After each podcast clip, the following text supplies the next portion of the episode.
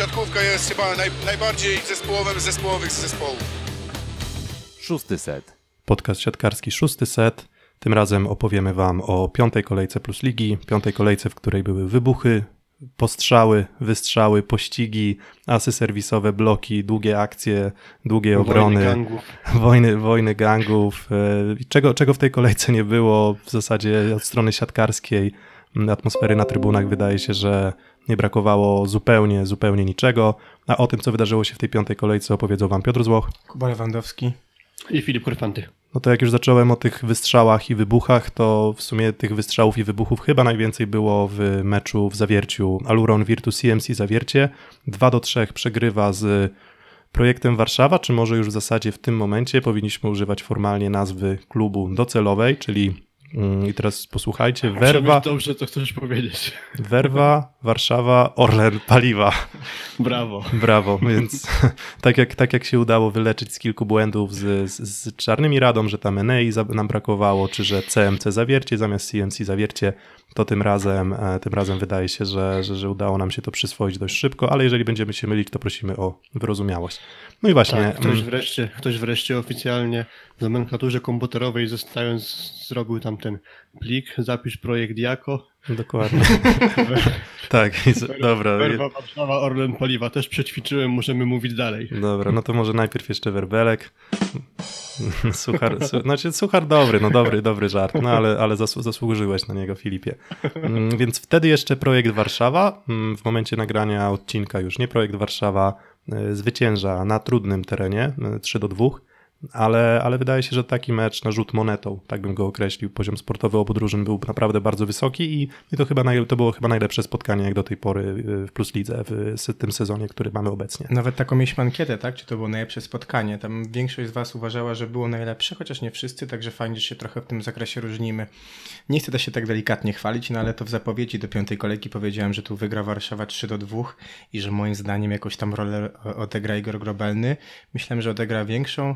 Największą odegrali i Piotr Nowakowski i Bartek Folek, no i Antoine Brizard, który tak naprawdę mega mi się podobało jak grał, bo z jednej strony miałem wrażenie, że oglądamy spotkanie drużyny kompletnej, w której wszyscy skrzydłowi mają sporo piłek, tak jak Ferreira, Malinowski, Waliński, z drużyną, w której tak naprawdę atak opierał się w pewnym etapie na dwóch zawodnikach, czyli na Bartoszu Kwolku, no i Piotrze Nowakowskim wybranym słusznie MVP meczu. Mm, Ale Antoine Blizzard akurat dość dobrze ukrywał tę mm, słabość, jaką wskazujemy jako jakiś tam problem Warszawy, czyli prawe skrzydło i sam Jan Król też miał momenty, w których grał naprawdę dobrze. Faktycznie Igor Grobelny w tym tiebreaku odegrał, odegrał swoją rolę i on zmienił w tym trudnym momencie dla Janka Króla mm, atakującego Warszawy. Odegrał swoją rolę, ale sam Janek Król miał takie momenty, w których naprawdę też mógł się podobać, więc Pierwszy set chociażby. tak, oczywiście to nie były piłki, w których on bardzo dużo piłek dostawał, powiedzmy na tym szczelnym, podwójnym, potrójnym bloku. Tutaj raczej Kevin Tilly i Bartek Kwolek. Mm, No ale Antoine Brizard faktycznie bardzo umiejętnie ukrywał gdzieś te słabości Warszawy. Wydaje mi się, że to były trzy najlepsze sety w wykonaniu Jana Króla tak w ogóle w tym, secie, w, w tym sezonie, czyli trzy pierwsze sety. Później w czwartym już nie skończył żadnej piłki i chwilę później pojawił się na boisku Igor Grobelny. E, Antoine Brizard w ogóle podobała mi się jego dystrybucja w tym spotkaniu, aczkolwiek e, Kevin Tilly akurat mu się nie odpłacał skutecznością ataku i ta była oparta na w głównej mierze właśnie Królu, później Grobelnym i Bartoszu Folku oraz świetnie wykorzystywanym w ataku e, Piotrku Nowakowskim i Andrzeju Wronie, też później zmienionym przez Patryka Niemca. Także akurat Kevin Tilly w ataku bardzo słabo wyglądał, ale bardzo dobrze trzymał przyjęcie i w ogóle to był taki element, w którym zawierciu ciężko było złamać Warszawę, pomijając chyba czwartego seta, gdzie nawet statystycznie przyjęcie Warszawy wyglądało bardzo słabo.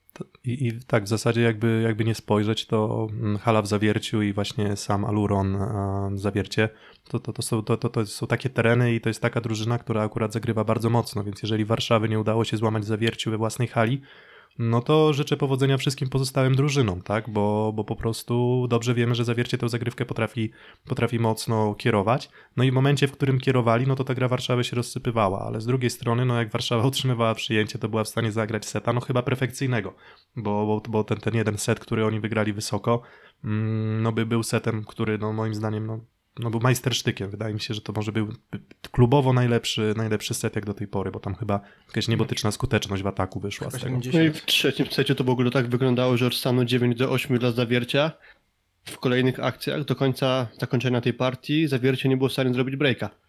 Więc no, rewelacyjnie po prostu spisywali się e, w swoich, w tym co mieli po swojej stronie po prostu warszawianie. No i tak jak ty powiedziałeś Piotrze, zakończyło się to rewelacyjną skutecznością ataku. Mm, Bartek Kwolek, kolejny bardzo dobry mecz. On chyba no, jako jeden z najrówniejszych zawodników na początku sezonu i trzyma też tę formę bardzo, bardzo wysoką, więc, e, więc i, i udowadnia na tle tych rywali również mocniejszych.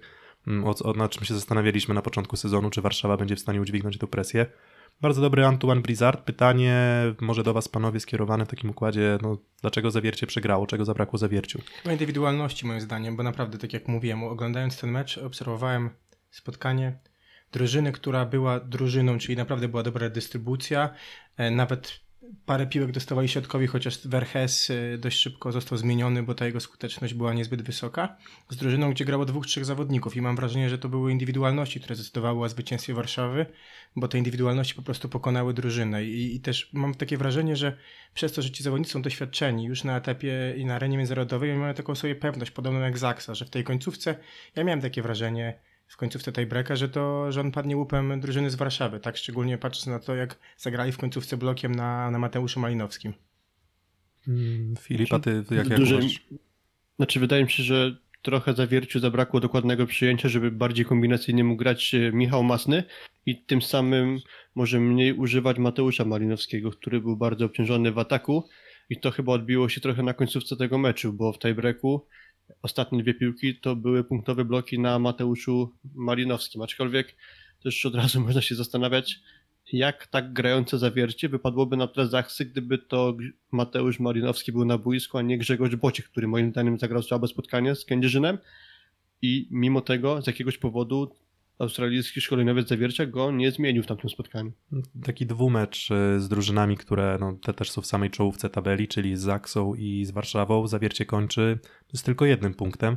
Mm, A tych punktów mogło być więcej. Myślę, że, że, że mogą czuć lekki niedosyt, natomiast myślę, że to była doskonała reklama, reklama siatkówki ligowej. Mm, To, co mi się też bardzo podobało w tym meczu, to jest to, że, że, że tam praktycznie nie było głupich błędów. W sensie to, była, to było naprawdę poukładane akcje obronnie, dobrze wyprowadzane kontry i ogólnie mam wrażenie, że jak oceniam, bo to teraz możemy tak na bardzo króciutko się zatrzymać, uważam, że to jest jedno z lepszych otwarć sezonu, jakie ja kojarzę w ostatnich, nie wiem, kilku latach, bo drużyny wyglądają naprawdę dobrze przygotowane, tak jakby wiedziały, że jeżeli tej formy nie będzie na początku sezonu, to to, to może być problem. Przynajmniej nie wszystkie drużyny, ale na pewno te, te, które są w tym momencie w czołówce. Liga jest szalenie wyrównana i to widać w tych spotkaniach, że te zespoły, jeżeli nie dają z siebie maksa, no to jest problem. Natomiast ja myślę, że trzymał tu jeszcze przy tym meczu przy Marciniu, y, Marcinie Kani, no bo jedno z odkryć sezonu, tak? Początku myśmy, pamiętam, jakby tu naszym elementarzu takim kibica wymieniali go jako jednego z ostatnich środkowych, a oczywiście mając na uwadze problemy zdrowotne innych środkowych, no, no to gra, ale mimo tego, że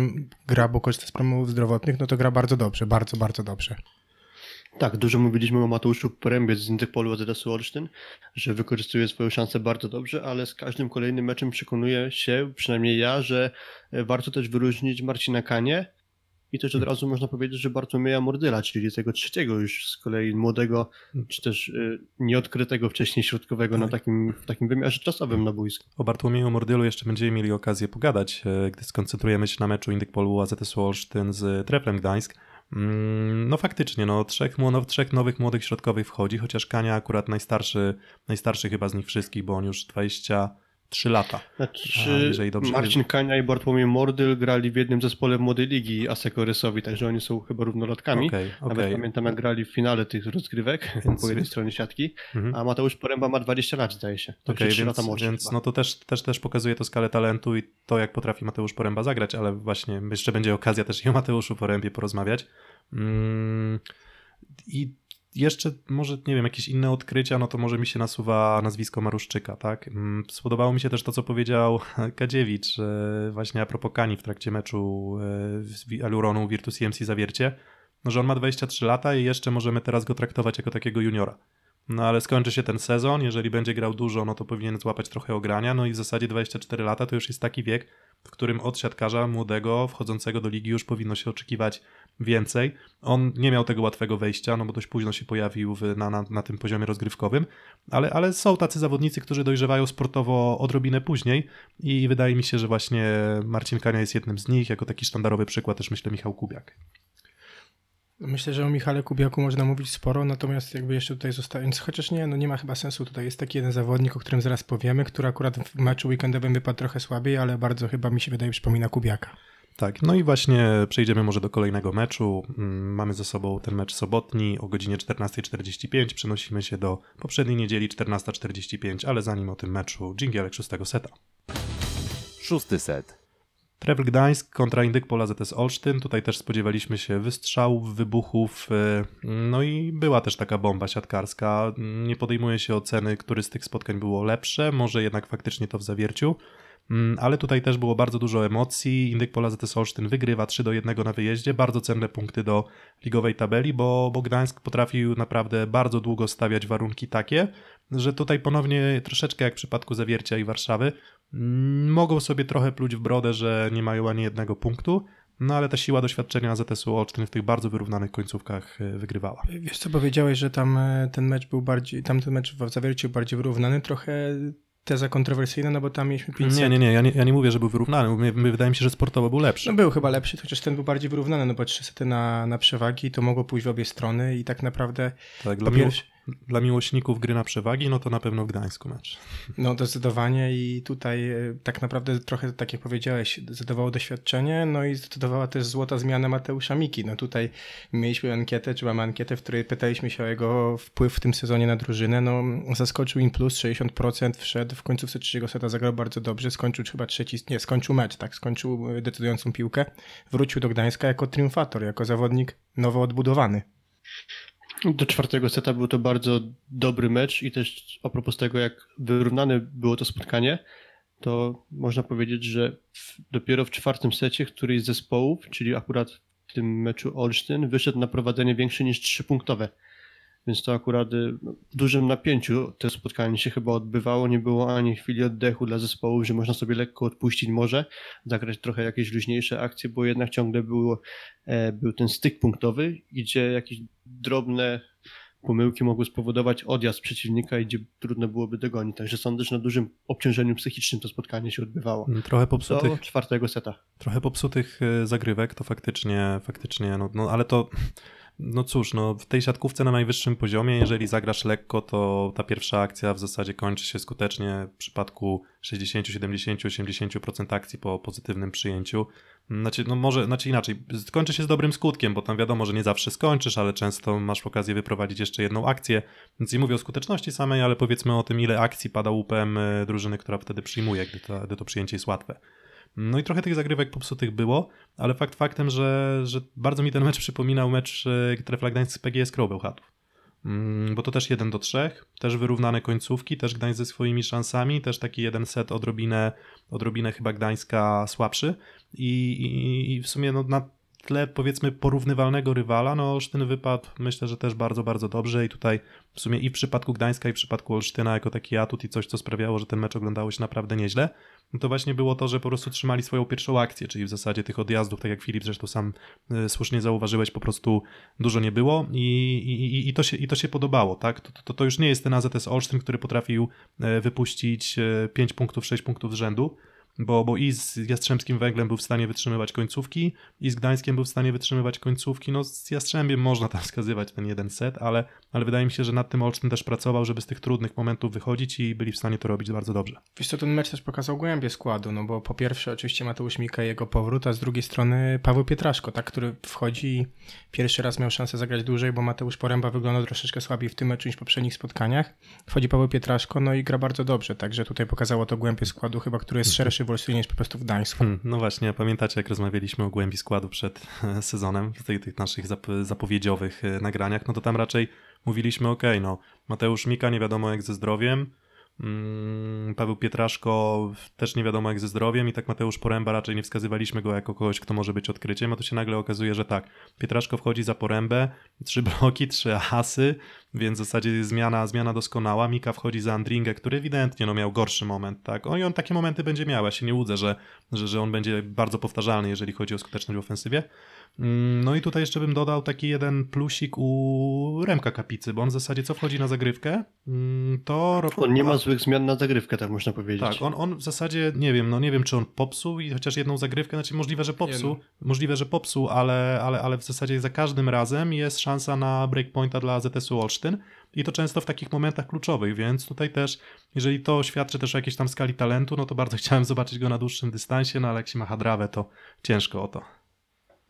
Biorąc pod uwagę, ile atakuje Hadrawa, bo to był kolejny mecz, w którym Czech był bardzo mocno obciążony, to może jednak Paolo Montagnani będzie tym typem szkoleniowca, który za wszelką cenę będzie chciał znaleźć tę lukę w biegu sezonu, w którym to jednak młody atakujący Indyk Polu ZS-u Olsztyn będzie mógł się nam pokazać w ataku, a nie tylko w zagrywce i bardzo na to liczę, bo tak jak już podkreślałem w przesezonowym odcinku o Olsztynie, uważam, że jest bardzo utalentowany chłopak i, i, i oglądanie go w akcji robi piorunujące wrażenie.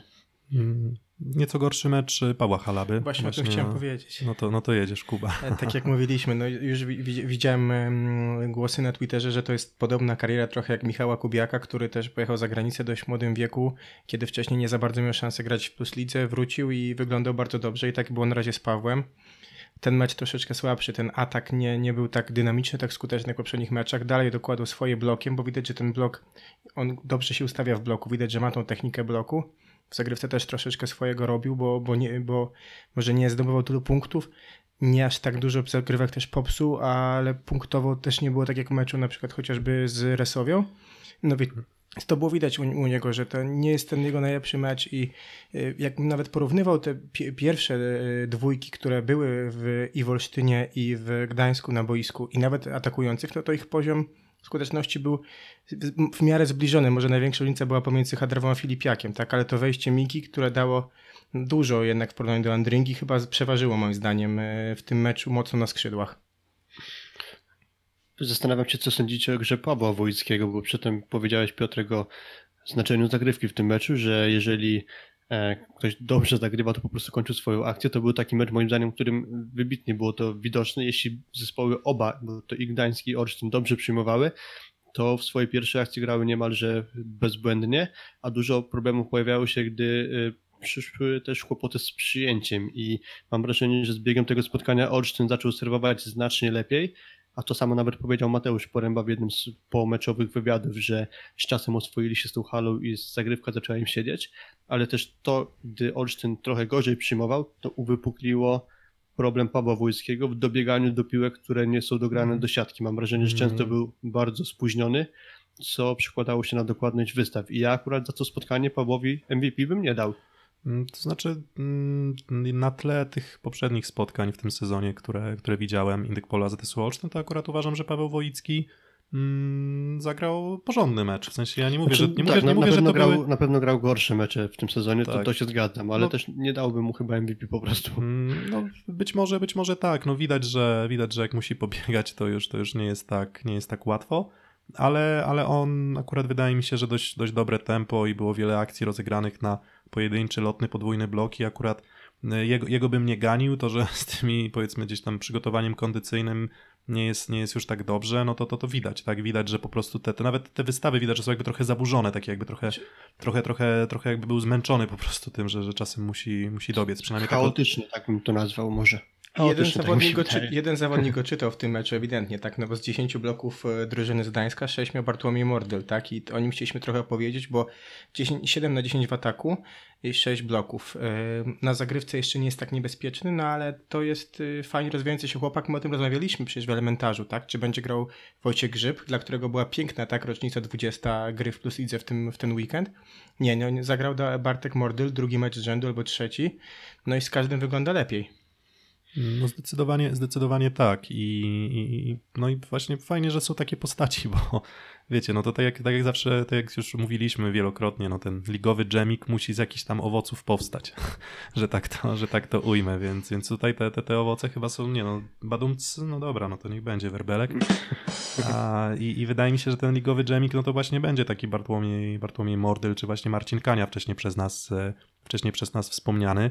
No bo wiecie, konkurencja kadrowa jest przeogromna. Jak sobie Szczególnie na tej pozycji. w szczególności na tej pozycji, więc no w zasadzie no jakby teraz ich oceniać, no to raczej jakiś uniwersjadowy skład B, C, no to to powiedzmy tam gdzieś tam mo- mogliby się panowie załapać, co nie znaczy, że oni nie będą bardzo dobrymi siatkarzami, tak? Ale Zdaje się, że obaj występowali w reprezentacji Polski do lat 23, więc może teraz kolejny szczebel właśnie. Ale uniwersjada, tak patrzę na tą superlegę włoską i, i nie ma takich y, talentów tam, tak? Szczególnie na środku, więc myślę, że my musimy się cieszyć, bo naprawdę przed nami jest kapitalna przyszłość. Mm, No a ja bym, a ja bym zamienił takiego jednego środkowego utalentowanego na jakiegoś takiego ofensywnego, przyjmującego albo atakującego, który mógłby Bart, Bartka Kurka odciążyć w perspektywie 5-10 lat. No ale może, może Muza i może Remek Kapica.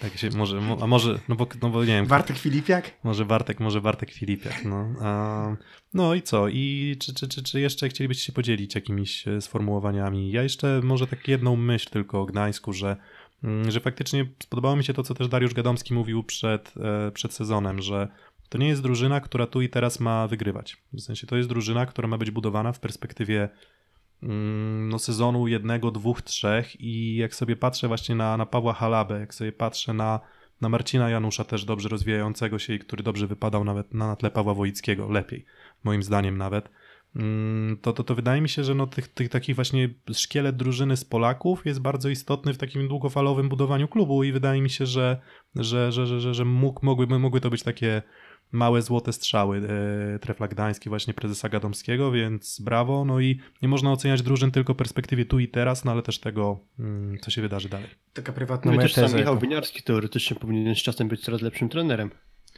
Y, Tak, no się zgadzam. Fajnie się Michał rozwija, widać jak żyje meczem. Natomiast taka moja, dwie moje prywatne takie tezy krótkie, jeżeli chodzi o człowieka z Trójmiasta, to na pewno prezes Gadomski jest najlepszym prezesem klubu sportowego w Trójmieście, przynajmniej tak mogę powiedzieć, śledząc y, większość dyscyplin.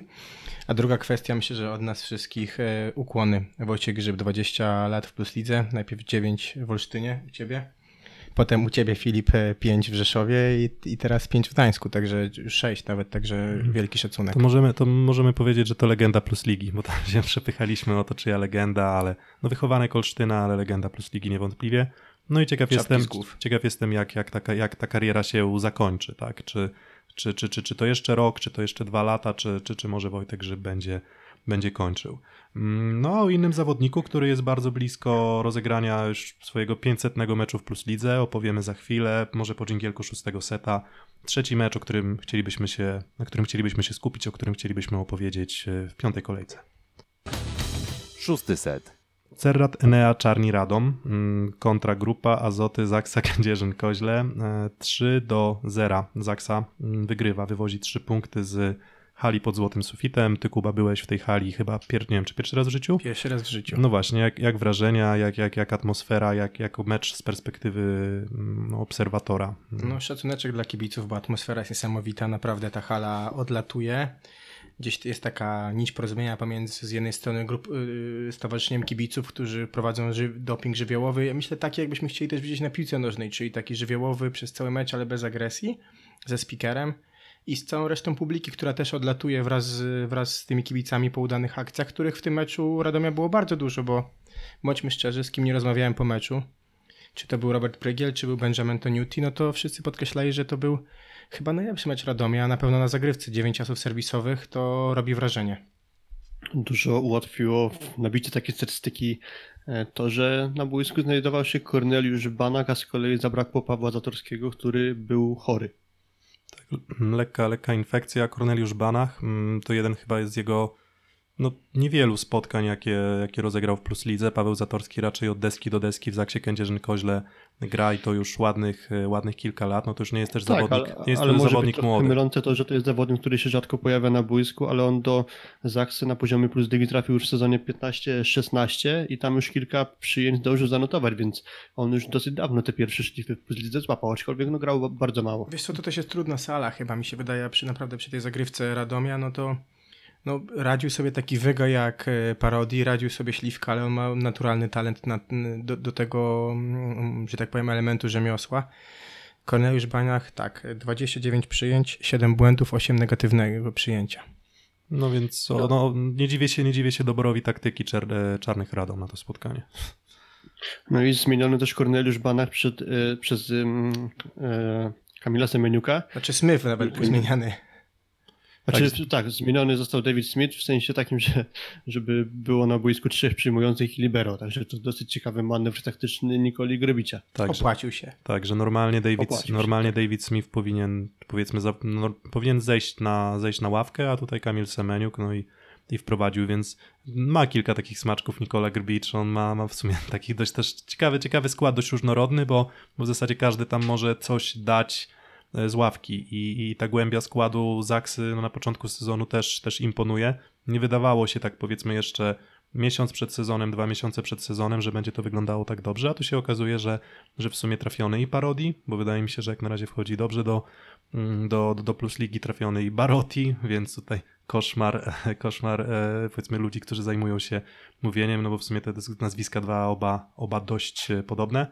Mm, Dobra zmiana Smitha, Reino jak wchodzi też gwarantuje pewien poziom. No może faktycznie ten Banach akurat w tym, tym meczu no niekorzystnie.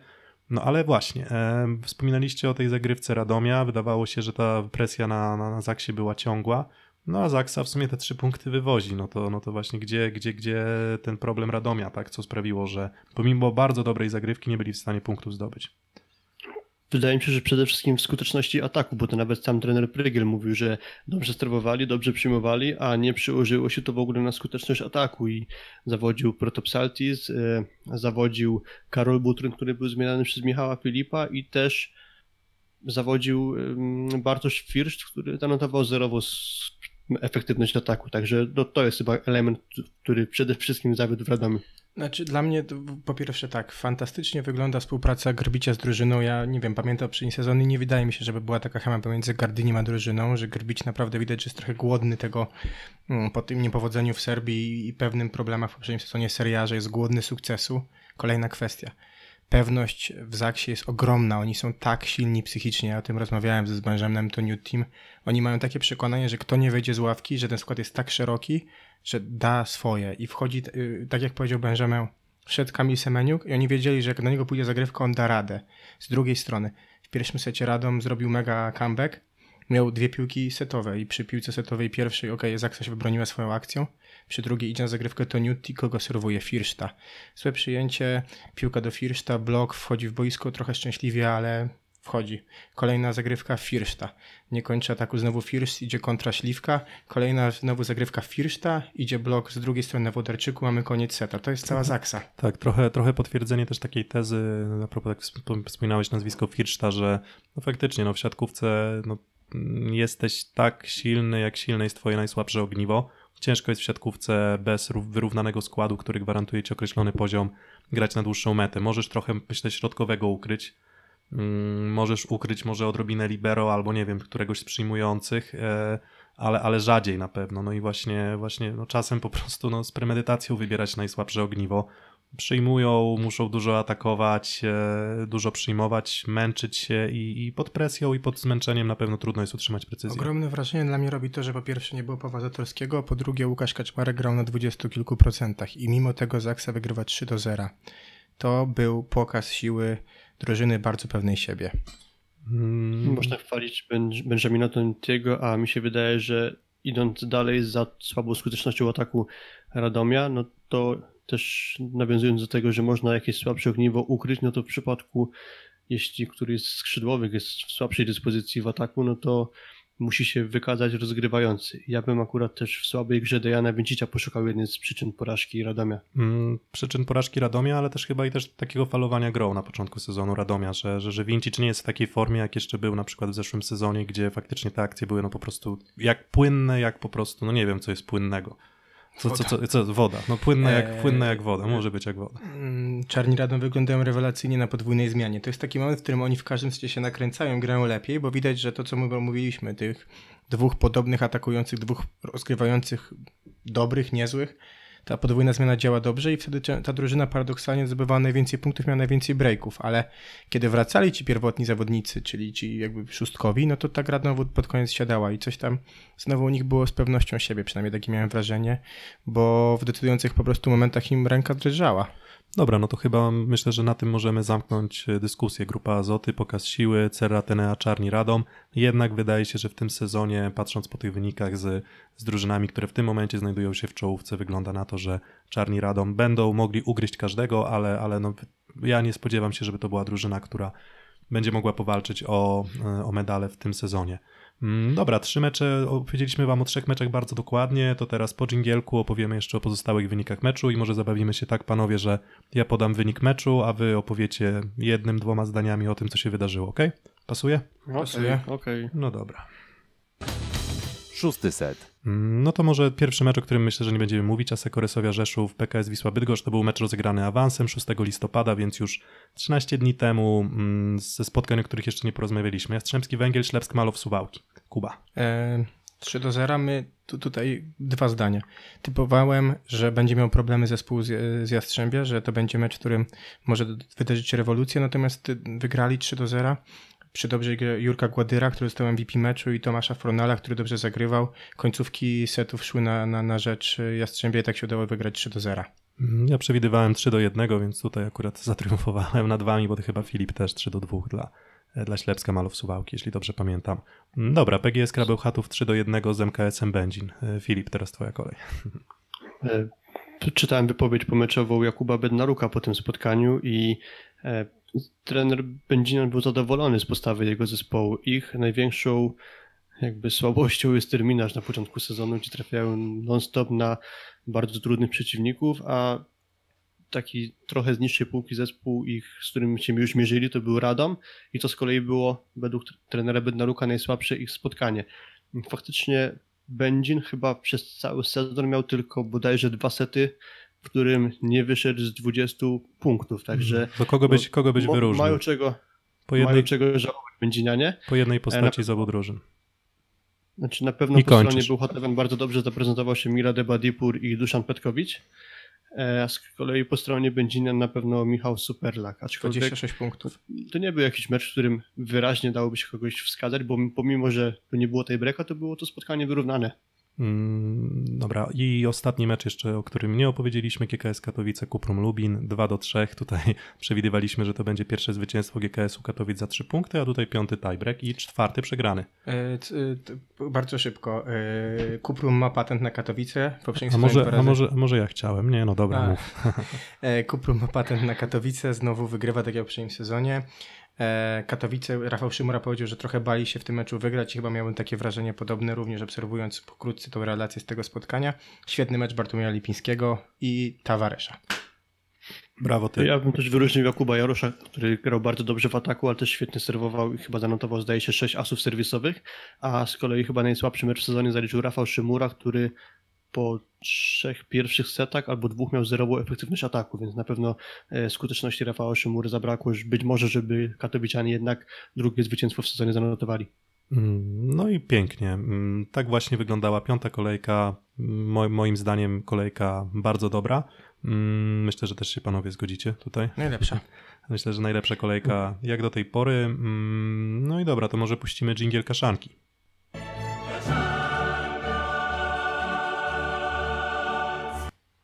No chcieliśmy znaleźć jakąś kaszankę na siłę. E, Chcieliśmy tak szukać, może w jakichś indywidualnych występach pojedynczych zawodników, ale doszliśmy do wniosku, że w tej kolejce ten hymn kaszanki niech będzie hymnem w sumie właśnie Ligi Mistrzów, Ligi Mistrzów Świata, bo to były naprawdę bardzo ciekawe spotkania, bardzo dobre spotkania, wysoki poziom, więc w tym, se, w tym e, odcinku akurat kaszanki nie będzie. Jest ok, panowie? Stuprocentowo.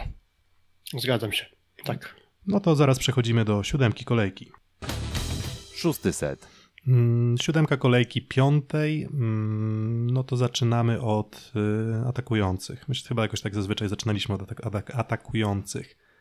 No więc dobra, mój, moje typy Hadrawa, Jarosz, mm, Malinowski. Kogo jeszcze byście tutaj mogli dorzucić do... Superlak? Myślę, że może być Petkowicz. Tak, może być Petkowicz, może być Superlak, mm, no w, Jastrzębi, w Jastrzębskim Węglu nie, Janek Król nie. Zdecydowanie w mm, Jastrzębskim Węglu nie. Kaczmarek, Kaczmarek nie, ani Butryn, ani Eee, Filip w sumie też nie. Patryk e, Szwaracki też nie. Ani Nie. Bartłomiej Bołądź. Bartłomiej Bołądź to w ogóle zagrał bardzo słaby mecz, no ale Mhm. to już tak na marginesie. Mm, no dobra, no to kto? Grzebrowski też nie.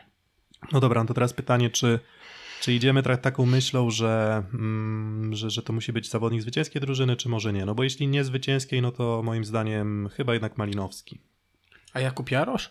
Filip, co ty o tym Znaczy sądzisz? ja Bo- w ogóle jako takiego do pierwszej szóstki to jednak wytypowałbym Jana Hadrawę mimo wszystko, a zastanawiałbym się nad tym, kogo wybrać do drugiej szóstki. Wiesz co, no tylko Hadrawa To wygrał. Takie jest moje zdanie. No tak, no właśnie, właśnie o, o tym mówię, że w zasadzie wśród zwycięzców no to masz Petkowicza z kandydatów i Hadrawę. W zasadzie tylko. Więc, więc jeżeli tutaj argumentem jest poprowadzenie do zwycięstwa, no to Hadrawa no, no grał dobrze. No w sumie co, no dołożył blokiem, dołożył asami, znowu tyrał jak koń, e, obciążony przez Pawła Wojickiego niemiłosiernie i radził sobie z tym dobrze na, na trudnym terenie. No ale no, nie będę naciskał. Jeżeli Kuba uważa, że Hadrawa, to może być Hadrawa, ale, ale jeżeli masz, nie wiem, inną propozycję, to, to się Znaczy właściwie dostosuje. nie wiem o co można by się do Czecha przyczepić. No, 50% skuteczności ataku przy 38 atakach, 4 bloki, 2 asy serwisowe. Obecnie właściwie w statystykach niemal wszystkich w ogóle w skali ligi się wyróżnia, więc y, Wiesz co, no Myślę, tak dla, jednak- dla porównania to tak. Yy, ma Malinowski 23 na 36, czyli wyższy procent w ataku przy podobnej liczbie, ale tylko jeden as, 0 bloków. Jarosz. Yy, tak samo identyczny procent w ataku, 6 asów, 0 bloków, więc chyba też Hadrawa był po prostu najbardziej, nie wiem jak to powiedzieć, jak w NBA, all round, all round, dokładnie, wszechstronny, wszechstronny. Tak bym chyba... Dobra, ale, no to, z, ale z kolei Mateusz Malinowski, no to wspominałem przy tym końcówce Tak, tej gdzie w dwóch ostatnich Dobra. e, piłkach został zablokowany, aczkolwiek ważna sprawa jest taka, że chwilę wcześniej zdobył trzy punkty, więc to też nie jest tak, że on cały tiebreak był schowany do lodówki, Dobra. tylko jednak tam coś w tym tiebreaku robił. Co, Hadrawa pierwsza, Malinowski druga? Czyli- dostał, no to czyli Filip nie była to mrożona malina. zdecydowanie nie była tam żadna malina. No dobra, no to co, Hadrawa? Hadrawa pierwsza, Malinowski druga. No dobra, no to możemy, możemy Też mi się tak pójść. wydaje, biorąc pod uwagę ciężar gatu- gatunkowy, to jednak Malinowski ponad Jaroszem, aczkolwiek Jarosz też niczego sobie. Tak, Jarosz też niczego sobie. No dobra, czyli, czyli Hadrawa do pierwszego składu, Malinowski do drugiego. Mm, Kto po przekątnej z atakującym, kto na rozegraniu? Blizzard. No my- Blizzard, Myślę, że tak. Myślę, że Antoine Blizzard, no i nie wiem, znowu Toniutti. Tavaresz. a może Nie, Miguel może Tavares. zdaniem, Dobra, bo też bardzo dobra. dobrze się zaprezentował poza rozegraniem, też w aspektach jak blogi, a- e, zagrywka. Także Tak. 8 do- punktów, 3 asy, 3 bloki, 2 kiwki Tavaresz. Dobra, a bardziej Blizzard czy Tavares? Blizzard. No dobra. bardziej Blizzard, który moim zdaniem chociażby na duży plus dla niego ten trzeci set, gdzie przez ponad pół tej partii zawiercianie nie potrafili zrobić breaka. Dobra, no to Antoine Blizzard z, we, z Werwy, Warszawa, Orlen, Paliwa, a drugi rozgrywający e, Miguel Tavares z Kuprum Lubin. Na przyjęciu mm, kandydatury mm, Bartek Lipiński. Bartek Lipiński, Milate Badipur, myślę, że koniecznie. Mm, Wojciech Żaliński, Mm, Nie, nie, on miał, miał momenty, w których się męczył i na przykład w końcówce przegranego seta przez AZS Olsztyn tak. e, to chyba trzech ataków z rzędu nie skończył. Okej, Znaczy, Bartosz Folek tak, no to, no to Kwolek. i panowie okej, Simone Parodi Simone Parodi. z 9 no, na chyba 13. dwugłosem poszliśmy teraz z Tak, Kubą, bo 9 Simone na Parodi. 13 w ataku i to, co on, jak on zabezpieczał połowę boiska, tak naprawdę on brał strefę konfliktu z, Ban, e, z Corneliuszem Banachem, no to dla mnie to jest, to jest profesor. Mm, No, Tak. no ale, no dobra, no ale... Możemy do drugiego dać. Dobra, no to Kwolka na pewno do pierwszej. Tak. Tutaj nawet nie, Tak, wiem, nie bym, się, zdecydowanie. bym się nie zastanawiał. Folek do pierwszej, do pary z Folkiem, Dla mnie Lipiński, bo tak, panowie, Eba Dipur 19 na 31 w ataku i dwa bloki. E, Lipiński 20 na 33 blok e, i jeden blok, czyli po, podobne statystyki, no ale chyba jednak y, wyżej bym cenił to zwycięstwo Lubina, jakby patrząc na rywala, niż, Mhm. niż PGS No okej, Krybełchatów. okej, czyli możemy, możemy Lipińskiego wsadzić. Przynajmniej ja jestem z tym okej. E, Filip, co ty Mhm. o tym sądzisz? Tak, i okej, w porządku i w tej drugiej szóstce, no upieram się przy parodim jednak. No to parodii, 9 z parodii 13 ataków to raczej będzie rzadki wynik Włocha w ataku. No oprócz tego właśnie to, że no, musiał sobie radzić u boku w przyjęciu Korneliusza Banacha, a nie Pawła Zatorskiego, co jest Tak, moim no nie zdaniem można, tak, nie, mo, nie można Parodiego winić, winić za to, że Zaksa rozegrała tylko trzy sety, tak, no bo generalnie te, te liczby w ataku i punkty zdobyte też wynikają, od, zależą od tych setów rozegranych. Dobra, czyli Parodie, Badipur na ławce, a w podstawowym składzie Kwolek Lipiński. Środkowi? Tutaj kilku kandydatów jest, no Sejet moim zdaniem obowiązkowo. Sejet. Mm, Tak, chyba 15 punktów w ataku to był tak, 11 11, też dobra gra w bloku, chociaż jeden- trochę gorzej w zagrywce mam wrażenie, Nie, że on- mu szło. No tak, ale 11, chyba 11 na 18 Tak jest, on tak jest. i męczył się wielokrotnie z tymi rozegraniami Pawła Wojickiego, które były dość flejowate, więc, y, więc, więc klasę pokazał. Mm, Nowakowski, panowie. Nowakowski, nie no, Nowakowski jako drugie nazwisko to koniecznie, no to było jakieś abstrak- Znaczy, ja bym nawet abstrakcyjne. powiedział, że jako pierwsze takie właśnie. Znaczy, tak, oczywiście, tylko mówię- pierwszy wybór, o tak, Tak, to dobra, no to pierwszy wybór Piotr Nowakowski, drugi moim zdaniem Sejet, na ławce Gładyr. I albo Norbert Huber, albo Bartek Mordyl. Mm, No to może Bartek Mordyl. No, Ewentualnie jeszcze Jan Nowakowski, bo też tak, też, no ale, ale, ale może Bartek Mordyl, bo, bo, Na zachętę. bo, bo na, na, na zachętę, tak. I jego jeszcze nie było, a Jan Nowakowski był. Dokładnie. No i dobra, i Libero, mm, no to tutaj mm, dobry mecz w sumie Pawła Ruska, który musiał wejść za, za Popiwczaka i, i poradził sobie bardzo dobrze. No i Damian Wojtaszek, nie? I, I Damian Wojtaszek, więc no tutaj już decyzję pozostawiam wam. Chyba, że macie jeszcze jakiegoś innego kandydata, ale... Czy nikt- zastanawiałbym nikt się nad Jędrzejem Gruszczyńskim, ale to chyba jednak trochę słabszy kandydat od wspomnianej przez ciebie Piotrek Dwójki. Znaczy ja bym dał do młodszego, młodszego. Damiana Wojtaszka. Tak. No dobra, czyli Damian Wojtaszek do podstawowej siódemki, do, na, na ławkę, Paweł Rusek. Paweł Rusek często tę rolę zmiennika pełnił i, No to, dobra. i to wchodząc też na przyjęcie, więc, więc mam nadzie- mamy nadzieję, że się nie obrazi na nasz, na nasz wybór. Czyli podsumowując, pierwsza szóstka to tak, Hadrawa Blizzard, tak, zgadza się? Nic, nic Tak, nie mylę. tak, tak. Hadrawa Blizzard, e, Lipiński Kwolek, Sejet Nowakowski i na libero Wojtaszek. No i Mm, druga, tak, Malinowski poprzekątny z Tavareszem na przyjęciu parodii No, no, no, to nie jest tak łatwo wcale, no. Kto? Eba Dipur. Ewa Dipur. Na środku Bartek e, Mordyl i e, Jurek, Juri Gładyr, tak, i, i drugim libero Paweł Rusek. Brawo, udało się, Wybr- wybrnąłeś się jakoś. Dobra. Kuba, Kuba wybrnął i my też wybrnęliśmy chyba z opisem tego odcinka, więc będziemy już kończyć. E, Za uwagę w podsumowaniu piątej kolejki szóstego seta dziękuję Piotr Złoch. Kuba Lewandowski. I Filip Kurfanty. Dziękujemy.